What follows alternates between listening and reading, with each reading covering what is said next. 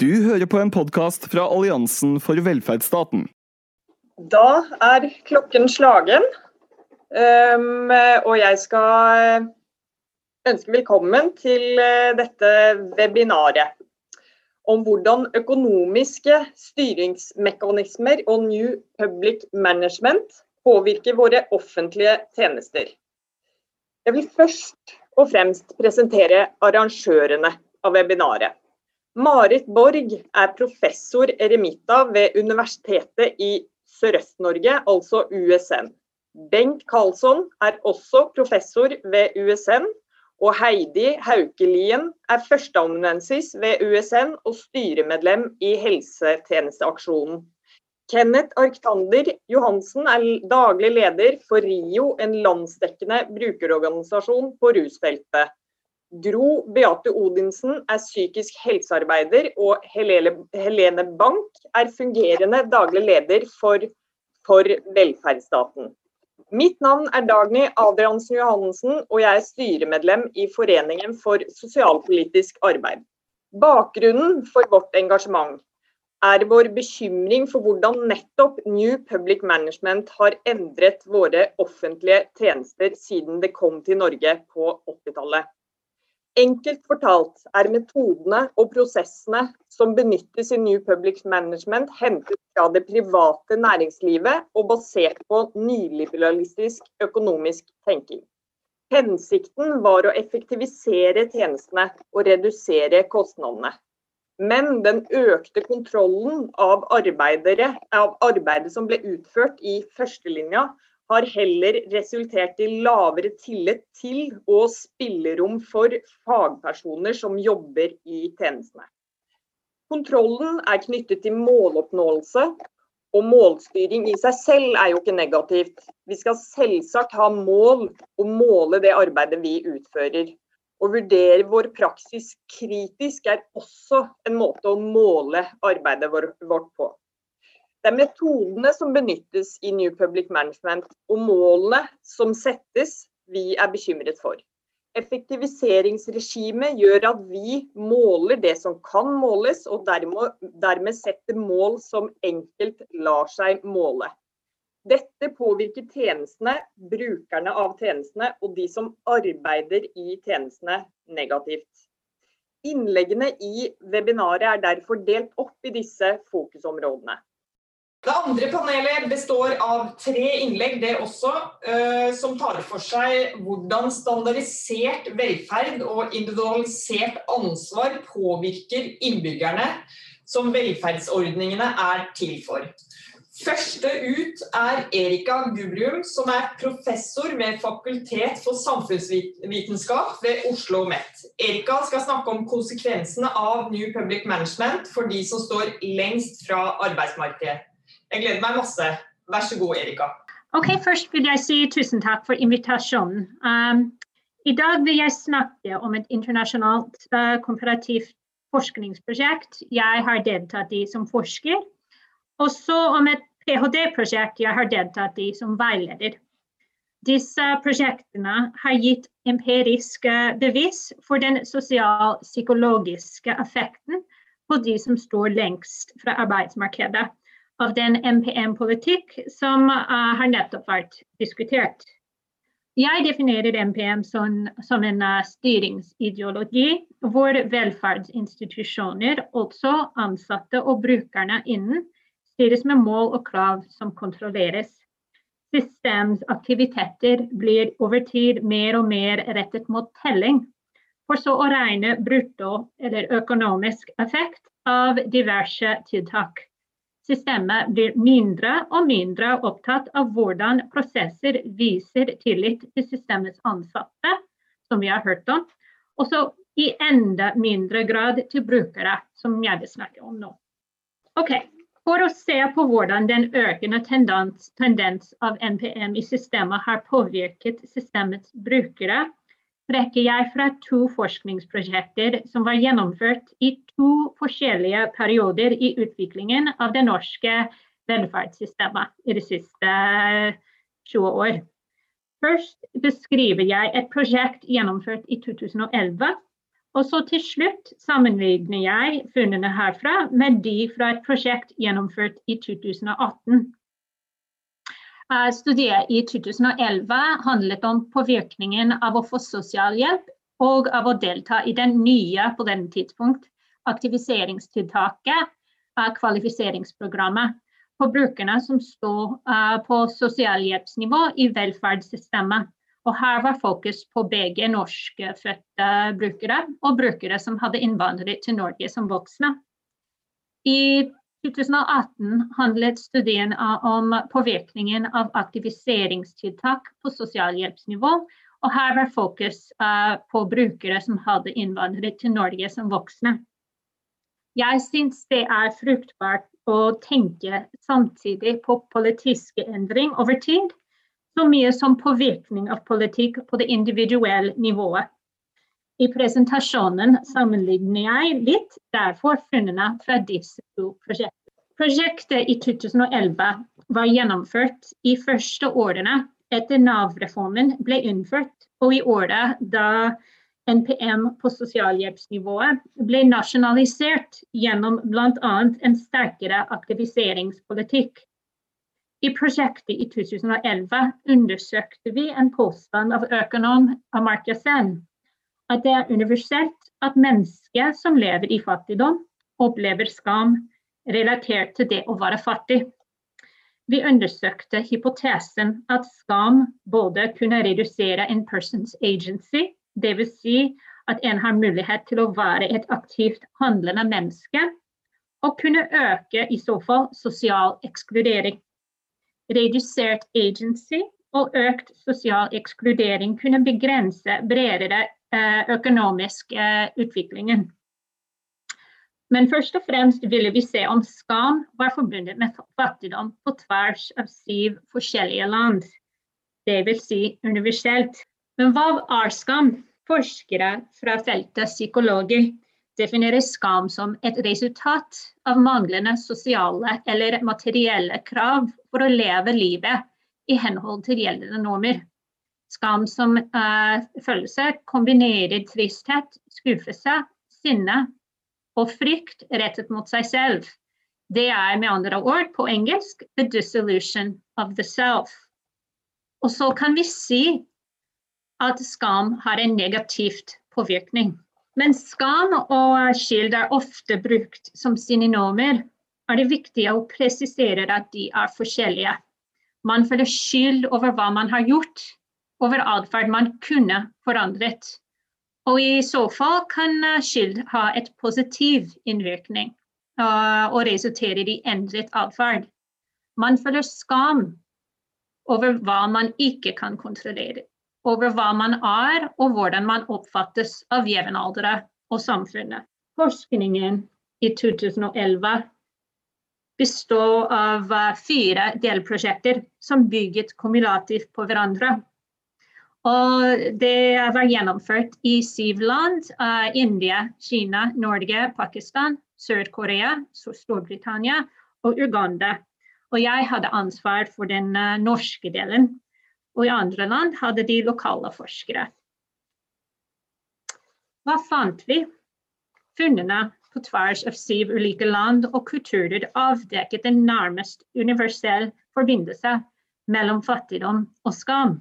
Og nå leser jeg et sitat fra en av artiklene som kom ut av prosjektet. The respondents universally despised poverty and frequently despised themselves for being poor. Despite generally believing that they had done their best against all odds, they mostly considered that they had both failed themselves by being poor and that others saw them as failures. This internalization of shame was further externally reinforced in the family, the workplace, and in their dealings with officialdom. Forskningen ga solid bevis på tvers av disse landene for en stark sammenheng mellom fattigdom, til og med relativ fattigdom, og skam. Samfunnet, media og det offentlige økte skam gjennom hvordan de fremstilte fattig. Folk følte skam fordi de slett økonomisk, og for at de ufrivillig ikke levde opp til samfunnets idealer. Og så hva var påvirkningen av skam? Mange vi snakket med, sa at det var vanskelig å innrømme skammen de følte. I stedet håndterte de skammen ved å nekte å vedkjenne seg den. Og det resulterte i flere negative, defensive, defensive og beskyttende reaksjoner, som eh, Bjarne Øverlid uh, refererte til. Vi fikk interessante resultater i Norge. Folk også opplevde stor skam ved det å være fattig. Forskningsinformantene rettet fokus særlig mot deres manglende evne å oppnå de aktiviseringsmålene om å jobbe og bidra gjennom å betale skatt. Paradoksalt nok følte mange seg særlig ydmyket i en raus velferdsstat hvor de fikk omfattende tiltak rettet dem. De ble med andre ord møtt med en sterk institusjonelle forventning at alle skulle derfor ha det greit. Det var i så fall mindre plass for anerkjennelse av en skam. Fordi en vanskelig livssituasjon kunne bare tilskrives personlig skyld og svakheter. At man kunne ha gjort eller valgt annerledes. Som i andre landene uttrykte mange sinne og distanse, begge oppover mot uh, regjeringen og Nav, og nedover mot personer de anså som mindre verdt enn dem selv, andre Nav-brukere og innvandrere. Og da så vi at uh, skam skapte lavere sosial kapital for og et skille mellom mennesker som allerede hadde det vanskelig. Og den svekket sosial solidariteten. Mange informanter i Norge snakket særlig om skampåføring innen en offentlig kontekst. Og hvis man tar et historisk blikk på dette, er det, er det ikke så overraskende. Norge er en raus velferdsstat, men det finnes også en tradisjon for skeptiske holdninger til trygd i velferdssystemet. Med andre ord er det en tradisjon for trygdehets.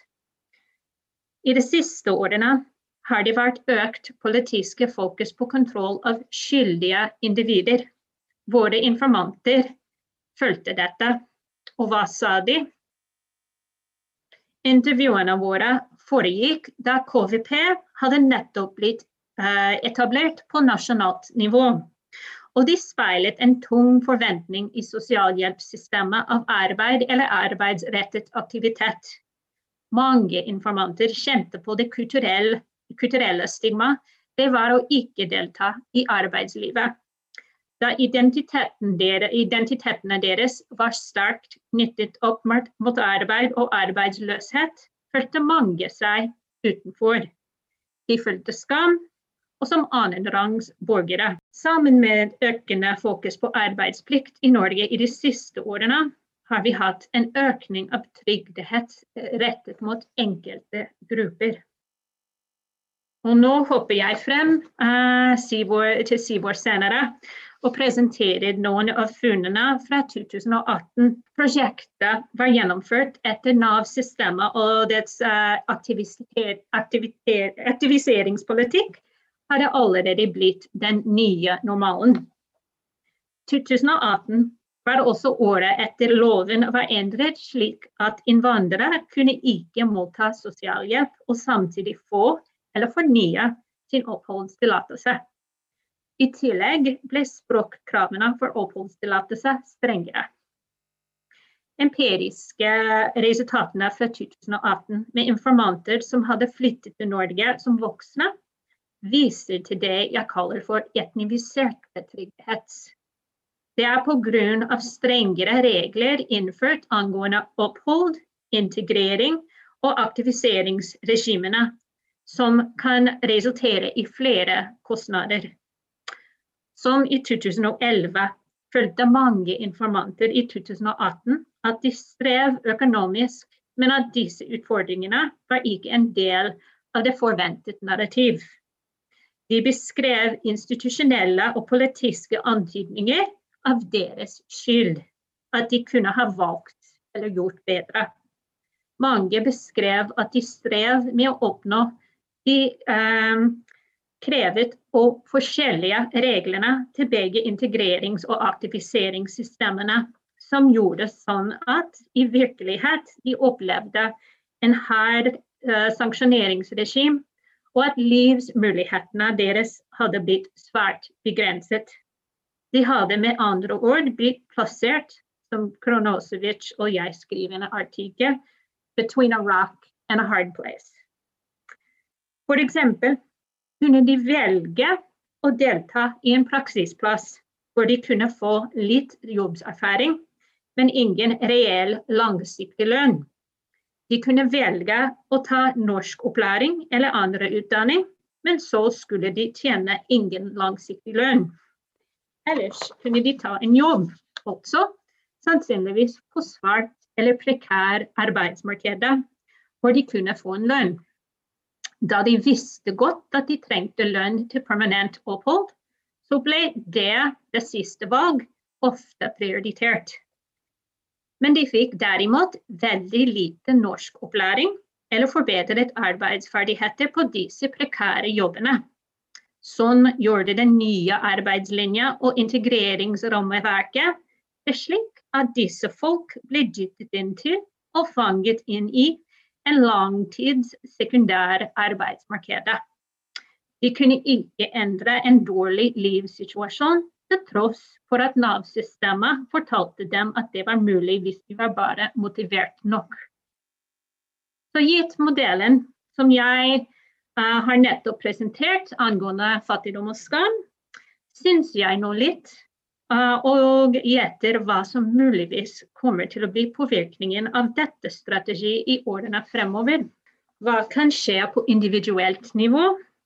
Jeg gjetter at hvis det blir ingen bredere politiske anerkjenning av situasjonen, og det har vi ikke sett så mye av enda, får disse folk etter hvert enda lavere sosial kapital, samt kortere og langere tilbaketrekking fra bredere sosial deltakelse. Hva kan skje på sosial- eller gruppenivå? Jeg gjetter at det blir enda mer fragmentert um, sosial solidaritet, økende utenforskap og økende polarisering. Tusen takk for meg. Tusen takk, Erika. Eh, veldig eh, spennende og eh, egentlig litt trist for jeg tenker at individualisering av sosiale problemer, det øker stigma. Og stigmatisering er jo skamlegging av mennesker. Og det er alvorlig hvis resultatet av det systemet vi har bygget basert på New Public Management, er at hjelpeapparatet eh, belager seg på skamlegging og stigmatisering for å styre atferden til de som trenger eh, hjelp. Neste ut er jo deg, Kenneth, og du kan få lov å introdusere deg selv. Uh, ja, tusen takk, uh, Dagny. Uh, mitt navn er da Kenneth Arctander Johansen. Jeg er daglig leder i RIO, og nå har jeg full kontroll over alt her. Total makt i denne salen. Styrer Zoom og styrer kamera og, og alt mulig. Leker meg. Så jeg er daglig leder i RIO, som er en landsdekkende brukerorganisasjon på rusfeltet. Vi er da opptatt av å bidra med fag- og brukerkunnskap, sånn at alle skal få de tjenestene de trenger, når de trenger dem. Da. Eh, så Det er veldig nyttig å høre på alle sammen. Eh, jeg tror ikke på en måte jeg kommer til å snakke så mye om merke konkret liksom, økonomiske styringsprinsipper, eh, men kommer til å snakke en del om styring og kommer til å snakke en del om makt. Og, innlegget handler i stor grad egentlig om egne, egne erfaringer og, og litt teoretiske spekulasjoner. da. Uh, Tittelen for innlegget mitt uh, har jeg valgt å kalle for uh, 'Hvem tjener vi egentlig?' på Whom do we serve? Og det er ikke ment som en sånn konspirasjonsteoretisk greie, egentlig. og om brukermedvirkning som politisk verktøy på rusfeltet. Så kan man jo begynne med da, ja, hva er da en bruker, da? Det er jo, blir forstått ulikt av ulike folk.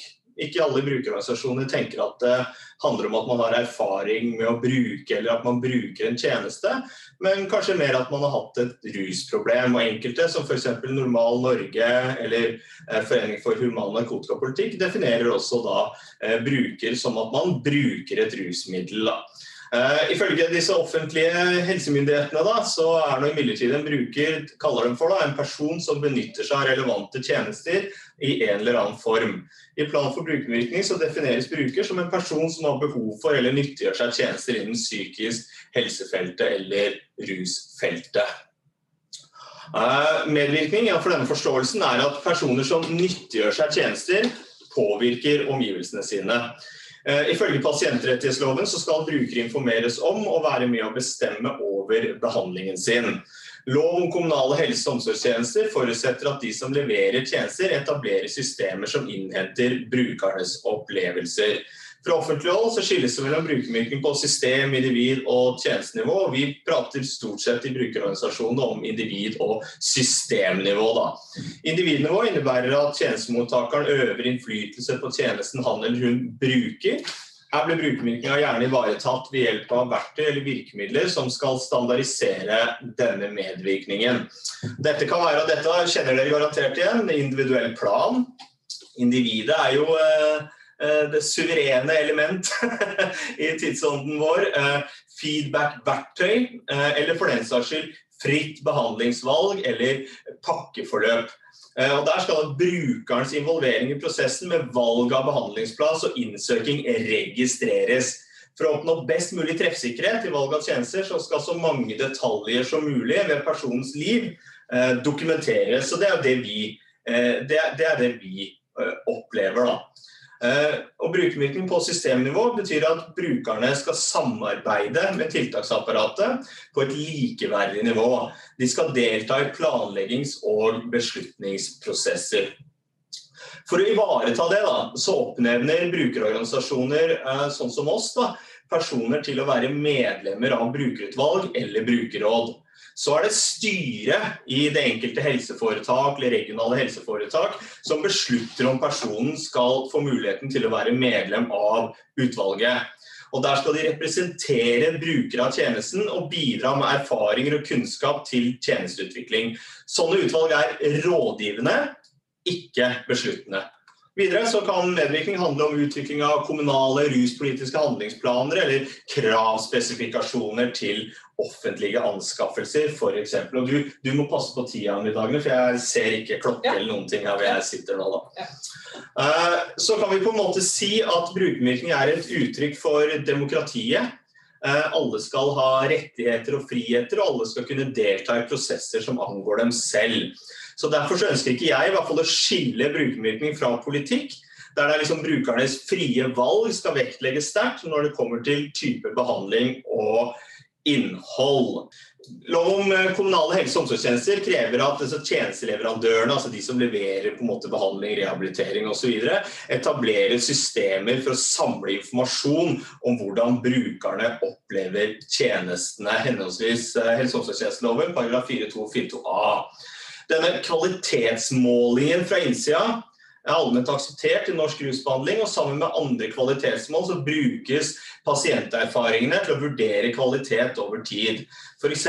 så har brukere som er innlagt til døgnbehandling, besvart brukerundersøkelser utstedt av Folkehelseinstituttet eh, årlig siden 2013. Eh, og disse Undersøkelsene er én av flere sånne kvalitetsindikatorer som skal måle den totale kvaliteten av rusbehandling i Norge. Eh, brukerundersøkelsene skal si hvor tilfredse brukerne er med behandlinga, de ser på brukernes opplevelser av behandlingen, behandlingsmiljøet, helsepersonell og den opplevde nytten eh, av eh, behandlingen. Det var egentlig ganske gøy. det var, Jeg husker ikke om det var 2013 eller 2014 hvor de hadde gjort det som brukerundersøkelse. og Leger og psykologer var jo helt i fyr og flamme ikke sant? fordi at pasientene mente at de hadde for lite tilgang på lege og psykolog. Og så gikk inn og så, så du på de institusjonsspesifikke brukerundersøkelsene. Så så du f.eks. på Solja-kollektivet. Så var pasientene veldig fornøyd da, med tilgang til lege og psykolog, og de hadde ikke lege og psykolog. ikke sant? Så det, så det er alltid interessant. da. Eh, uh, undersøkelsen har bl.a. vist eh, at brukere ikke opplever å være forberedt på tiden etter behandling. interesseorganisasjoner sånn som RIO da, Eh, og fagpersonell har også brukt resultatene for å stille politiske krav, som f.eks. flere ansettelser eller styrking av ettervern. Så det er ikke bare på en måte negativt, ikke sant? registreringen og målingen, men det kan på en måte også brukes politisk. da. Eh, I tillegg til å bli vurdert som at det har en moralsk verdi i seg selv å høre hva brukerne synes, så blir opplevelsen deres sett som å henge sammen med klinisk effekt og pasientsikkerhet. Og så er det mye du kan si om sånne brukerundersøkelser. I teorien så vil jo en full score bety at på en måte behandlingen var, eh, var perfekt. Og vi gjennomførte et lite prosjekt hvor vi, hvor vi gjennomførte nesten de samme brukerundersøkelsene med russiske rusinstitusjoner, og opplevde på en måte at de skårte veldig høyt da, eh, kontra, kontra, kontra hva man gjorde i Norge. og det handler kanskje litt om ja, hvordan er det på en måte, på en måte man opplever liksom situasjonen utenfor institusjonen og sånne ting. Så man skal være forsiktig med å legge for mye vekt på, eh, på disse tingene også. Uh, ofte så blir brukervirkning sett som et virkemiddel mot undertrykking. Oppsummert i slagordet 'intet om oss uten oss'. Uh, det er et slagord som vi finner igjen i europeiske demokratiseringsprosesser da makt ble overført fra monarkiet til borgerskapets representanter. For så heter det i den polske grunnloven, som ble vedtatt av det polske parlamentet under en forsamling i det kongelige slottet i 1505, nihil novi kommune consenso. Det sier jeg helt sikkert feil, men det betyr iallfall intet nytt uten felles enighet. Og fra USA så kjenner vi begrepet 'no taxation without representation'. Senere så finner vi slagord i aktivisme for personer med funksjonsnedsettelser, da vandra til andre identitets- og interessegruppers politiske aktivisme. Det politiske kravet kommer også til uttrykk ved at tidligere rusavhengige og personer som bruker rusmidler, organiserer seg og krever deltakelse i politiske og organisatoriske prosesser som angår dem. Vi fant f.eks. slagordet brukt i et opprop fra flere brukerorganisasjoner om narkotikapolitiske endringer, altså avkriminalisering, i VG i 2016 med tittelen 'Carl I. Hagen, Trine Skei Grande og andre underskriver rusopprop fra brukerorganisasjoner'. Intet om oss uten oss. Videre så dukka det også opp en kronikk i Dagbladet 2018 der tittelen var 'Et svik mot brukerne'. Der kritiserte forfatterne manglende brukerrepresentasjon i det regjeringsoppnevnte rusreformutvalget, hvor jeg for øvrig også var medlem. Eh, som vi har sagt før, dette er uholdbart, sier de. Slutt å snakke om oss og ikke med oss. Intet om oss uten oss. Eh, samtidig, når vi ser på brukervirkning som en frigjøringskamp, så er ikke det helt uproblematisk, det heller. Frigjøringskamper forutsetter gjerne at friheten vi som mennesker fortjener, er frarøvet oss. Men dersom vi f.eks. tar utgangspunkt i pasientens helsetjeneste, så betyr friheten friheten til å velge. F.eks. gjennom fritt behandlingsvalg, en ordning som gjør at kommersielle leverandører kunne komme seg på et tradisjonelt ikke-kommersielt marked for rusbehandling. Da. I noen grad vil jeg påstå at brukerrepresentasjon i en stor grad eh, er en forlenget arm av embetsverket. Representanter honoreres for å utrede politiske løsninger, delta i anbudsrunder og følge opp implementering av politiske vedtak.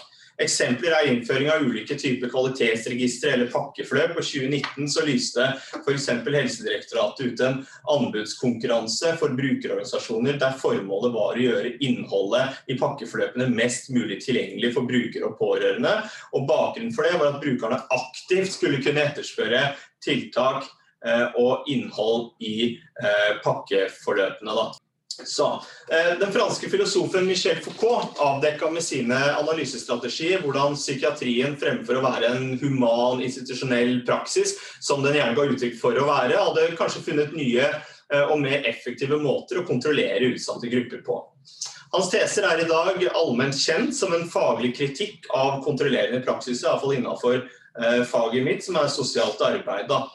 Eh, og Derfor så blir det viktig å løfte fram disse utsatte gruppenes stemmer for å kunne tenke annerledes om og reforhandle praksis. For det er grunn til å kritisere praksiser som har skjedd og som skjer, både innenfor psykiatri og behandling av rusavhengige, fra tvangsmedisinering på Dikemark til internering av alkoholikere i kurhjem eller arbeidsleire, til tvungne urinprøver for ungdommenes straffetrussel, det man kaller for ruskontrakter i dag, eller mer skjulte kontrollmekanismer der sykdomsforklaringer kan låse personer i identitet som syk pasient som skal motta eh, behandling. Og Sykdomstenkingen f.eks. finner vi Bl.a. både innenfor tolvtrinnsideologien og avhengighetsmedisinen, og for den saks skyld Rusreform 2, som var en forlengelse av helsereformen, og som gjorde rusbehandling til del av spesialisthelsetjenesten og de rusavhengige til pasienter.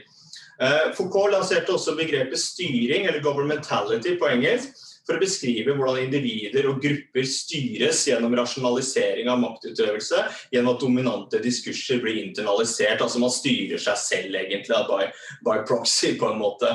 Eh, en dansk studie fra 2009 beskriver f.eks. hvordan personer som ble innskrevet i behandling for opioidavhengighet, lærte seg at de var kronisk opiatavhengige, noe de ikke visste før de kom i behandlingen. Så bruker han også begrepet biomakt, som handler om at mens tidligere maktformer lå hos den suverene herskeren, konge, keiser, tilsvarende, som styrte landområder og bestemte hvem som skulle dø, så handler biomakt om selve livet. da. Hvor I vår tid så er makten mer opptatt av livet og menneskene. Opptatt av administreringen av menneskelige ressurser, befolkningens helse, sysselsettingshastigheter og hvordan man kan utvide og forbedre livskvaliteten. Tilfredshetsundersøkelser, pakkeforløp og slike ting blir et sånt maktperspektiv. Da, mer sånn eh, instrumenter for makten. Da. Videre så måler og registrerer biomakt gjennomsnitter i befolkningen, skaper en normalitet gjennom offentlige reguleringer som virker tilbake på befolkningen i politisk aktivitet. Eh, folk blir gjort ukvalifiserte, definert som ukvalifiserte ved at alder eller sykdom plasserer dem på utsiden av det normale gjennomsnittet, med utskillelsesmekanismer som blir synlige gjennom diagnoser og definerte forstyrrelser eller avvik. Og For å få kontroll med de avvikene som man har skilt ut fra, normalen, så etableres institusjoner og mekanismer som forsikringer og trygdeordninger og rusinstitusjoner osv. Jeg vil være forsiktig med å påstå at brukermedvirkning utfordrer det som jeg nå liksom overforenkla egentlig har beskrevet. Da. Styringskunsten utfordres ikke ved at pasienter svarer på brukerundersøkelser, eller at det tas i bruk feedback-verktøy, eller at de får etablert en individuell plan. Eh, det utfordres ikke av foreninger som definerer seg som supplement til offentlige tjenester, for i stor grad så er det veldig mye det brukerorganisasjonene gjør, eller som driver opplæring, innsiktstrening, forebygging, rehabilitering osv. Det er heller nettopp foreningene som inngår i raffinerte biomarkstrategier, gjør disse på sett og vis mulig, uh, opplever egentlig jeg. Altså vi, vi bruker medvirkninger på, på en måte den styringa, vi, vi medvirker til at den blir mulig. da. Eh, så er det også min opplevelse at foreningen kan være med å sementere identiteter og forståelser av hvem den definerte brukeren er. Hvem er det på en måte vi får lov til å være da. Eh, vi rapporterer på myndighetenes måloppnåelse for tildelinger, sørger for implementering av disse tiltakene. Jo mer etablert vi blir, jo mer inngår vi også i et flettverk av maktrelasjoner som opprettholder og videreutvikler den styringa. Samtidig så når jeg sitter og på en måte snakker om dette, kjenner jeg at jeg blir, eh, føler meg deprimert og fanga og alt sånt der, men jeg, jeg, vil ha et litt sånn naivt perspektiv på det. At det, det fins også muligheter ikke sant? for frigjøring. Det fins muligheter for endringer. Da. Det fins viktige kamparenaer der organisasjonene våre bør virke. da. Uh, ifølge den slovenske filosofen Slavo Zizek så er formelle rettigheter en nødvendighet for å oppnå ekte frihet. Friheten oppnås i opposisjon til og ved hjelp av de formelle rettighetene. For han så representerer formelle rettigheter nemlig en falsk frihet. Men samtidig er det disse rettighetene som gjør at man kan oppnå faktisk frihet. For F.eks. så gjaldt formelle rettigheter i USA tidligere i historien kun for velstående hvite menn like myself. Senere også for kvinner, barn, fargede personer. Dette skjedde som følge av at det ble stilt krav og kjempet for at en stadig større gruppe mennesker skulle oppnå de samme universelle rettighetene. Ut fra beskrivelsen min av eh, brukervirkning så er det ikke mulig å hevde at det er noen likeverdig form for samarbeid. Der brukerrepresentantene vi er utpekte rådgivere for administrasjonen. Eh, og det, altså, det, er det på en måte ikke riktig med tanke på det som selv helsemyndighetene mener at skal være rollen til, bruker, til brukerorganisasjonene og brukermedvirkning. Eh, så her finnes det en viktig kamparena der brukerorganisasjonene kan oppnå faktisk frihet, altså makt, gjennom de falske rettighetene eller formelle rettighetene. Oppskrifta vil da være å ta i bruk disse organene til å take power. da. For jeg tror at Forutsatt at man har gjort en god analyse, så kan man faktisk gjøre maktkamp mot en historisk undertrykking, oppsummert i det slagordet som jeg nevnte. Intet om oss uten oss. Eh, som nevnt så peker uttrykket på, uttrykket på grupper i samfunnet som organiserer seg bak et krav om å bli hørt, et krav om makt. Eh, slagord er viktig, men så må vi ha i mente det jeg sa tidligere om styring og hvordan brukervirkning blir verktøy for biomark. For ellers så blir intet om oss uten oss til ingen styring av oss uten at vi gjennom tildelinger, utvalg, individuelle planer eller pakkeforløp legitimerer og sikrer denne styringen. da. Og at vi blir da redusert eller forma til funksjonærer, kvalitetskontrollører og systemets da innleide eller honorerte øyne og ører får muligheten til på en måte å regulere seg selv. da. Men det viktigste uansett I en sånn type tenking om kamp mener jeg da, at man faktisk må akseptere og huske at det koster. Du kommer ikke utenom at når du vil endre noe, sånn som flere her i dag, da, så vil du måtte være kontroversiell, og du vil få represalier. Du må ofre noe for å kunne vinne noe, og mest trolig ikke for deg selv, men for den andre. Og det er det verdt. Og, og, og jeg har selv vært varsler. Jeg har opplevd hvordan det er å være varsler i helseforetaket. Det er klart, du, du beholder ikke jobben din, liksom, og du møter hets og trakassering og alt det der, eh, men jeg mener absolutt at det er verdt det. Så det vil egentlig avslutte innledningen min med, med det. Takk for meg. Uh, yes, da var, det, da var, det, mitt innlegg. um, og da er uh, neste innleder uh, Kristine Lindgjerde, som er leder av Landsforeningen for pårørende innen psykisk helse, LPP. Som skal snakke innlegget hennes heter New Public Management, er blitt Old Public Management og herjer fortsatt. Og nå skal jeg bare gå på Gallery View her for å finne Kristine. Der er Kristine. Takk for uh, invitasjonen til å uh, presentere innlegg. Uh, så langt er det veldig interessant. Det har vært veldig interessant å høre alt som ble sagt her. Og som um, jeg, jeg, føler meg veldig fornøyd, for det bekrefter en god del, god del ting som jeg hadde forstått litt i forveien. Eh, jeg representerer da eh, pårørende innen eh, psykisk helse og rus. Og jeg representerer også her en veldig stor gruppe som alle er med i, her. Og det er brukerne, da. Brukere av offentlige tjenester. Og det første som eh, skjedde da jeg fikk invitasjon, det var å tenke å, ja vel, OK. Skal vi snakke om eh, New Public Management? Hmm.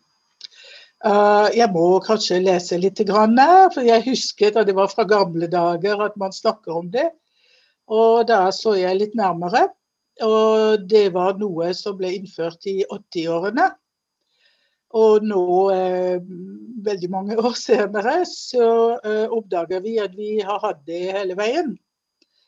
I England eh, har de eh, hatt da 30 eh, år med erfaring, og de har nå konkludert at eh, New Public Management kan være både dyrere og, og, og føre til flere klager. At det er aspekter i det som eh, ikke fungerer. Og eh, i Norge så selvsagt så kom det litt senere, ca. ti år senere enn i resten av Europa, vil jeg tro. Eh, og vi har hatt det hele veien. Og siden jeg har jobbet som styreleder og bruker og osv., eller jobbet eller ja, eh, erfart, kan vi si, eh, eh, helsevesenet og psykisk, psykisk helse, så har jeg gjennom reformene og gjennom årene tenkt det er noe som ikke fungerer. Men hva kan det være? Og etter at jeg fikk litt grann, eh, makt, Dvs. Si ved å bli styreleder, eller å komme i brukerpanel eller andre steder, så har jeg hele tiden spurt hmm, hvordan kan eh, et sykehus eller DPS eller eh, administrasjonen innen helsesektor, hvordan kan det eh, styres som en privat bedrift? Går det an? Eh, jeg stiller spørsmål som en person som er filolog. Jeg er ikke sosionom eller sosiolog, eller jeg har også studert filosofi. Men det var noe som jeg syntes var veldig eh, vanskelig å forstå. Eh, hvordan kan man styre et sykehus ut fra prinsipper med kostnadseffektivitet og konkurranse og alle de ordene jeg fant. og uh, i det jeg leste om New Public Management. Å splitte og sette avdelinger i konkurranse mot hverandre. Resultatorientert. Resultatfinansiering, prestasjonslønn. Og jeg så på alle ordene, så tenkte jeg Og de spørsmålene har jeg stilt til forskjellige sykehusdirektører. Og jeg har stilt til uh, forskjellige helseministre også. Og vi har sendt store, store spørsmål, store bekymringsmeldinger uh, til, til uh, politikerne. Det er noe galt. Um, og så, men, men vi, vi, klarte ikke å sette fingeren på det. Men nå Jeg har nettopp oppdaget at ah, det var akkurat det. Og Siste konferansen vi hadde, eh, det var om farvel solidaritet. Eh, ja, akkurat det vi snakker om i dag, det er det motsatte av solidaritet. Det er tjenester som er basert altså, altså bedrift Når eh, produktet man skal levere, er avhengig av at det gjøres nøye og langsomt med omsorg og individuelt tilpasset, så er det i direkte motsetning til effektivitet og lønnsomhet. På lang sikt, ja, det er stor lønnsomhet. Fordi en person som blir bedre, som kan gå tilbake til arbeid osv., er mye mer lønnsom enn en person som går inn og ut av sykehus fordi systemet med, eh, ikke fungerer. Men det er en sånn kortsiktig eh, tenkning som herjer. Og da eh, skal man tjene penger så fort som mulig, eh, så tidlig som mulig. Så eh, samtidig så tenkte jeg hjelper meg, er jeg så dum, eller er vi brukerne så dumme at vi har, vi har vi, det, Dette har gått oss, oss hus forbi totalt. Eh, har vi ikke gått ned i, i gaten som andre i Europa og, og, og klaget. Uh, og har vi ikke skriket no, høyt nok? Hva har skjedd? Er vi totalt naive? Eller, ja, vi er blitt lurt. Så tenkte jeg mm, det er fordi denne, det systemet her, det er tilslørt. For det skal være bruker i sentrum. Og da spør vi brukerne veldig ofte i mange eh, undersøkelser Uh, ja, hva, hva, er deres behov? Hva tenker dere? Vi skal tilpasse alt. alt dere skal få alt så skreddersydd. Det er sånn individuell plan, alt er perfekt. Så uh, her er det et nytt system, der skal vi gjøre det, og så skal vi ha dialog og alt. Så alle trodde, har trodd, uh, og så skal det være samhandling uh, mellom spesialisthelsetjenesten og alle rundt pasienten osv. Og, og pasienten skal bli hørt og, og, så videre. Så selvfølgelig var vi litt skeptiske, fordi det er mange pasienter som ikke kan snakke for seg selv. Og der kommer pårørende. Og, men ah, nei, vi kan ikke snakke med pårørende, for det er taushetsplikt. Ja, vi forstår at dere kjenner eh, pasientene bedre enn noen andre, men likevel. Um, så alt dette her, og så er det informasjon og seminarer og enorm, et enormt apparat med eh, eh, tiltak, uh, nye ting som gjøres, skolering av brukerne, informasjon til brukerne, slik at vi fikk et inntrykk av at wow, det er så mye arbeid som gjøres, det er fantastisk. Altså nå skal vi virkelig få uh, tjenester som er godt tilpasset. Men så skjer det ikke samhandling. Vi ser at det ikke fungerer, spesielt for pasienter som ikke kan snakke for seg selv, som eh, skal overføres til oppfølging av kommunen, f.eks. Etter utskrivelse. For tidlig utskrivelse, man skal spare penger da.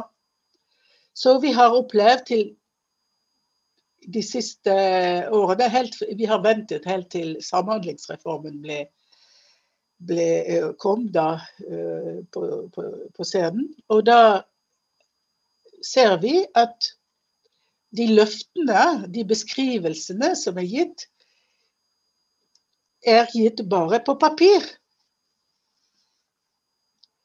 Og at Eh, for oss, New Public Management, det har følgende konsekvenser. Det er tre veldig alvorlige konsekvenser. Det er å sende til private. Eh, altså de som har nok penger til å skaffe seg tilpasset behandling, de går til privatklinikker. Eh, det sendes til frivillighet.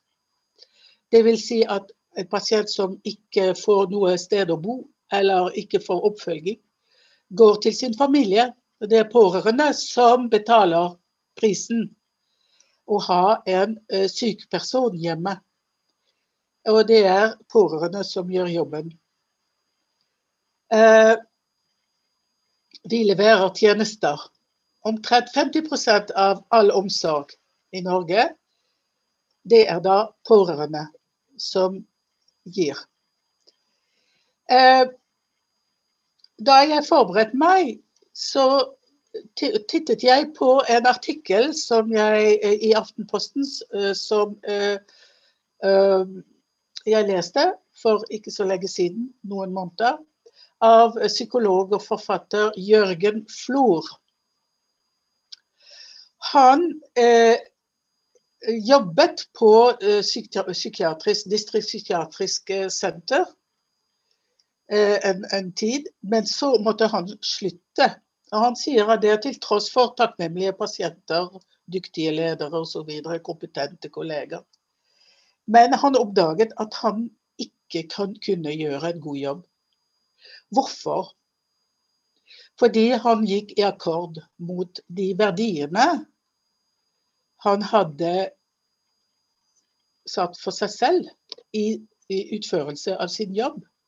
Det vil si at eh, han sier at det er i gjennomsnitt eh, de pasientene som kommer og skal ha psykologterapi, de eh, eh får da ca. i gjennomsnitt 12-13 timer. Så de skal ha korte behandlingsforløp. Alt er eh, satt i, i, i rammer. Så, så han, forklarer, han beskriver sin hverdag som eh, 'fanget i drift'. Det er et av titlene i artikkelen han skrev. Eh, Altfor høyt antall eh, konsultasjoner. Og så er det kvantitet fremfor kvalitet. Og det er altfor eh, samme type forløp man skal ha med alle. Uniformisert. Uh, og det stjeler fokus fra den, det som faktisk bør være jobben, sier han. Og der har jeg, uh, jeg, jeg kjenner igjen alt jeg har kunnet observert i de 25 årene jeg har nå vært med og observert uh, situasjonen. Jeg trodde at det var nødvendig å snu kulturen men, men nå eh, tror jeg at man må rett og slett snu hele politikken, rett og slett.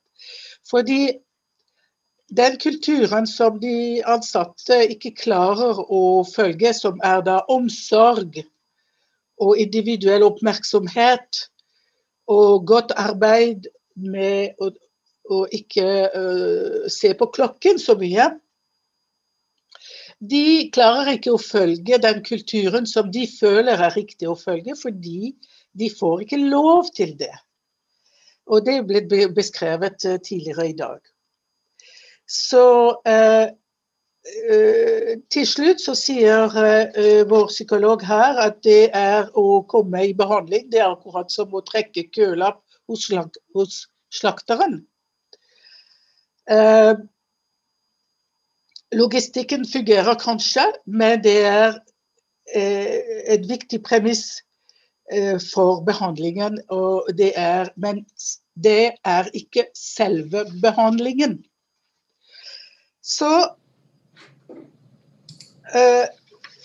et spørsmål som er blitt stilt, og jeg, jeg kan kanskje bli ferdig med det, og, og det er Hva er løsningen? Og jeg har funnet et, en annen artikkel som var skrevet av uh, Frank Aarebrot. Uh, og han begynte å snakke om New Public Management, og så hørte et dypt kollektivt sukk i salen. Og uh, han nevnte da, eller siterte Jonas Gahr Støre som forteller at det skal en revolusjon til å fjerne, eller til å snu den politikken der, eller til å fjerne eh, den trenden. Altså, jeg vet ikke om vi kan kalle dette en trend. For når det varer i 20 år, 30 år, så vet jeg det er et sånt forsteinet opplegg. Eh, men han eh, nevner at de skal bytte ut med en tillitsreform.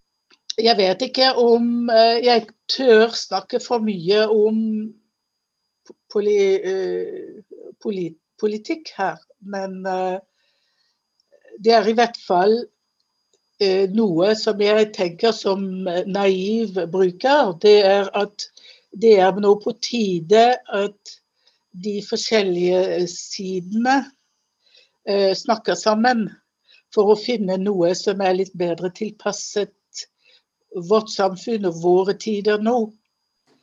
Eh, for vi, vi, har, vi, vi, har, mistet så mye. Begge sidene har mistet, altså om det er høyre eller venstre, de har mistet de verdiene de tror på.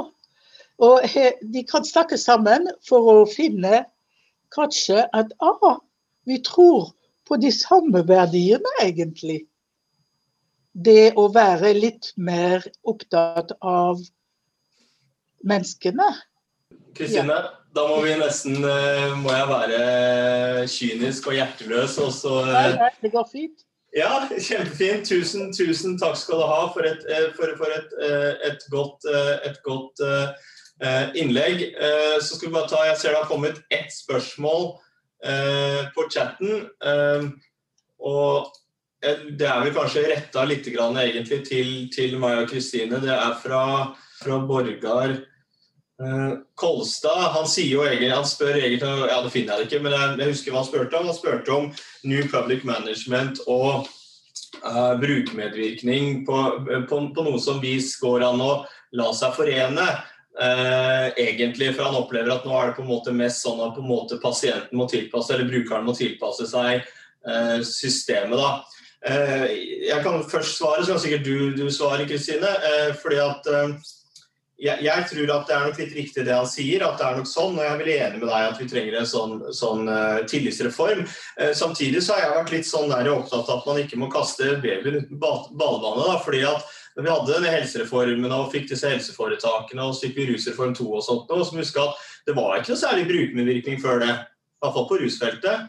Sånn at i, Som en del av, av, disse reformene og, og, den modellen som vi har, så, så har faktisk brukerorganisasjonene, er min opplevelse i hvert fall, en helt annen adgang til beslutningsprosesser eh, enn det de hadde når på en måte dette her i alle fall ikke var spesialisthelsetjeneste. Og jeg ser en del sånne politiske forslag om å liksom litt tilbake til det gamle, det som var, da vi skal ha dette over fylkeskommunen og sånne ting. Og så tar man på en måte ikke høyde for eh, den demokratiseringen som også på en måte har skjedd egentlig for brukere og pasientorganisasjoner. Så det, det har jeg vært litt, eh, litt eh, opptatt av, da. Jeg vet ikke om du har noen kommentar på det, Kristina. Så ser jeg Torgeir har hånda i været. Jeg har kommentar. Det er det som er frustrerende, og, og, og som gir oss en, en dyp følelse av maktesløshet. Fordi, for, for, fordi det er veldig fragmentert i hele samfunnet. Altså det er manglende dialog, og det er manglende styring eller ledelse, kan vi si, som gjør at de gode ting som er blitt gjort, gjøres overalt. For du har, sånn som det ble sagt også, en stor forskjell mellom f.eks. For på ett og samme sykehus så kan du ha stor forskjell i behandling mellom én post og neste post i samme korridor, avhengig av avdelingslederens uh, personlige preferanse. Og fra et sykehus til det andre, og fra en region til den andre, en kommune til den andre, så er det eh, god dialog med pårørende. Og så blir de hørt, eller med brukerne. De blir hørt, og de blir tatt med i utforming av nye retningslinjer osv. Men alt dette her, det er i, akkurat som et puslespill. Det er i alle retninger. Altså det er helt umulig å, å få en oversikt over hvor det går bra, hvor det går veldig dårlig, hvor det er sånn middels. Så, så det er veldig veldig vanskelig situasjon å, å rette opp. Eh, takk, Kristine. Eh, Torgeir, jeg så du hadde hånda oppe, så jeg har putta deg i spotlighten. Ja, takk, tusen takk. Eh, dette var ikke til eh, Kristines innlegg, men til eh, ditt Kenneth, og med fare for å gjøre meg upopulær her nå, og med forbehold om at jeg overhodet ikke kjenner forholdene innen rusfeltet.